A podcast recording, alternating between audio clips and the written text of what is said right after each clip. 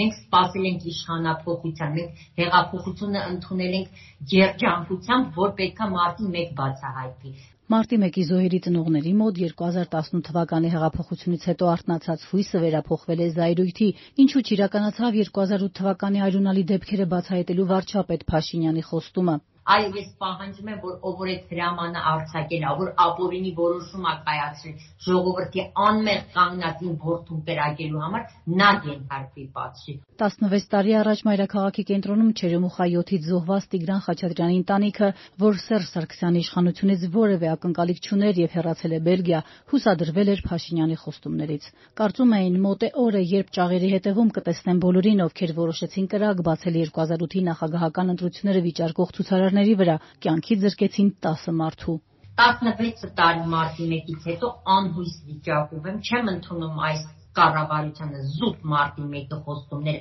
Շատ պատճառներ կան, բայց ես իմ պահով եմ ասում, իմ մասով եմ ասում։ Մարտի 1-ի գործը կասեցնելու, մարտի 1-ի էջը թակելու համար Նիկոլ Փաշինյանի խոստումը դեռ հնչում է Ալա Հովհաննիսյանի ականջներում։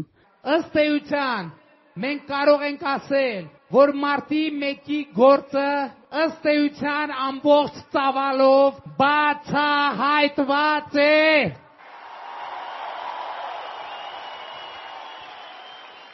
Վարչապետի բնորոշմամբ բացահայտված գործով սակայն չկա գեթ մեկը, որը պատիժ է կրում իր արարքի համար։ Կա ընդամենը 4 մեղադրյալ, 4-ն էլ հետախուզվում են։ Միայն մեկի՝ քննիչի գործ է դատարանում, որը մեղադրվում է ապացույցները կեղծելու համար։ Ժամանակը հոսում է եւ հոսել է նաեւ նախկինում վաղեմության ժամկետները լրացել են, այստեղ բախվելու խնդիր չկա։ Ժամանակը գնացել է, անցել է։ Դեպի ուր է գնում քննությունը, փակուղի թե ի վերջո բացահայտում։ Գործը հսկող դատախազ Հայկ Հովհաննիսյանը փակման մասին չի խոսում։ Տեսեք, գործը կարող է ավարտվել մեղադրական եզրակացությամբ, բժշկական բնույթի հարկադրանքի միջոցներ կիրառելով կամ հարույթը կարճելով։ Այս պայդրությամբ ձեզ հուզող դրվագներով այդ որոշումներից որևէ մեկը կայացնելու հիմքեր չունենք։ Հետևաբար քննությունը շարունակելու ենք այնքան, մինչև դրական արդյունքներ ունենանք։ Դատախազն ասում է, խնդիրների են բախվում, վաղեմության ժամկետներն են անցնում, արգրավված զենքերը խոտանված են, ապացույցներ հավաքելու բարդություն կա, վկաները չեն հիշում դեպքի մանրամասները։ Չնայած այս ամենին Հայկ Հովհաննիսյանը պնդում է, թե ակտիվ քննություն է ընթանում։ Տարվում են տարբեր ստորաբաժանումներին հատկացված ամրակցված զենքերի արգրավումներ, ներկայացվում են փորձագետին։ Այն զենքերն են, որոնք հիմա խմբականակներով արգրավում ենք ոստիկանության տարբեր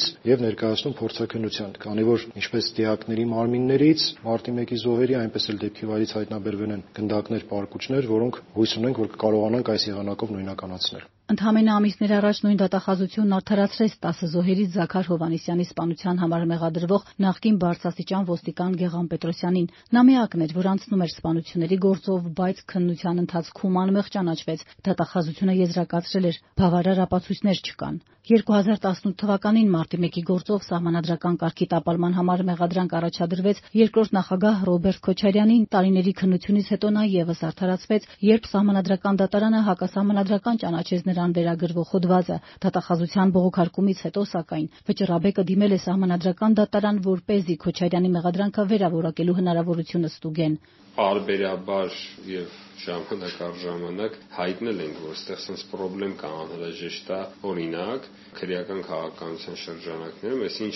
կարգավորումները օրենսդրական մակարդակում փոփոխել, որովհետև դրանք չեն նպաստում սահմանադրությամբ սահմանված կարևորագույն իրավունքների լիարժեք պաշտպանությանը։ Զոհերի հարազատների փաստաբան Տիգրան Եգորյանն իր հերթին դեռ դեկտեմբերին է դատախազությանը ներկայացրել իր դիրքորոշումը։ Սա մի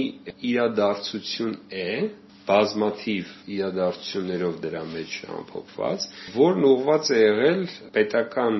սահմանադրական կարգի տապալմանը եւ այդ նպատակին հասնելու շրջանակներում գործադրվել են տարաբնույթ գործիքներ։ Եգորյանը պնդում է, մարտյան արյունալի իրադարձությունների բոլոր մեղավորները հասարակ ոստիկանից միջև բարձրագույն իշխանության ներկայացուցիչ պետք է մեղադրվեն հենց սահմանադրական կարգը տապալելու իշխանության յուրացման ու դրան օժանդակելու համար, իսկ դա ըստ նրա հնարավոր կլինի, եթե նման կամք լինի։ Նաիրա Բուլղադարյան, Ազատություն ռադիոկայան, Երևան։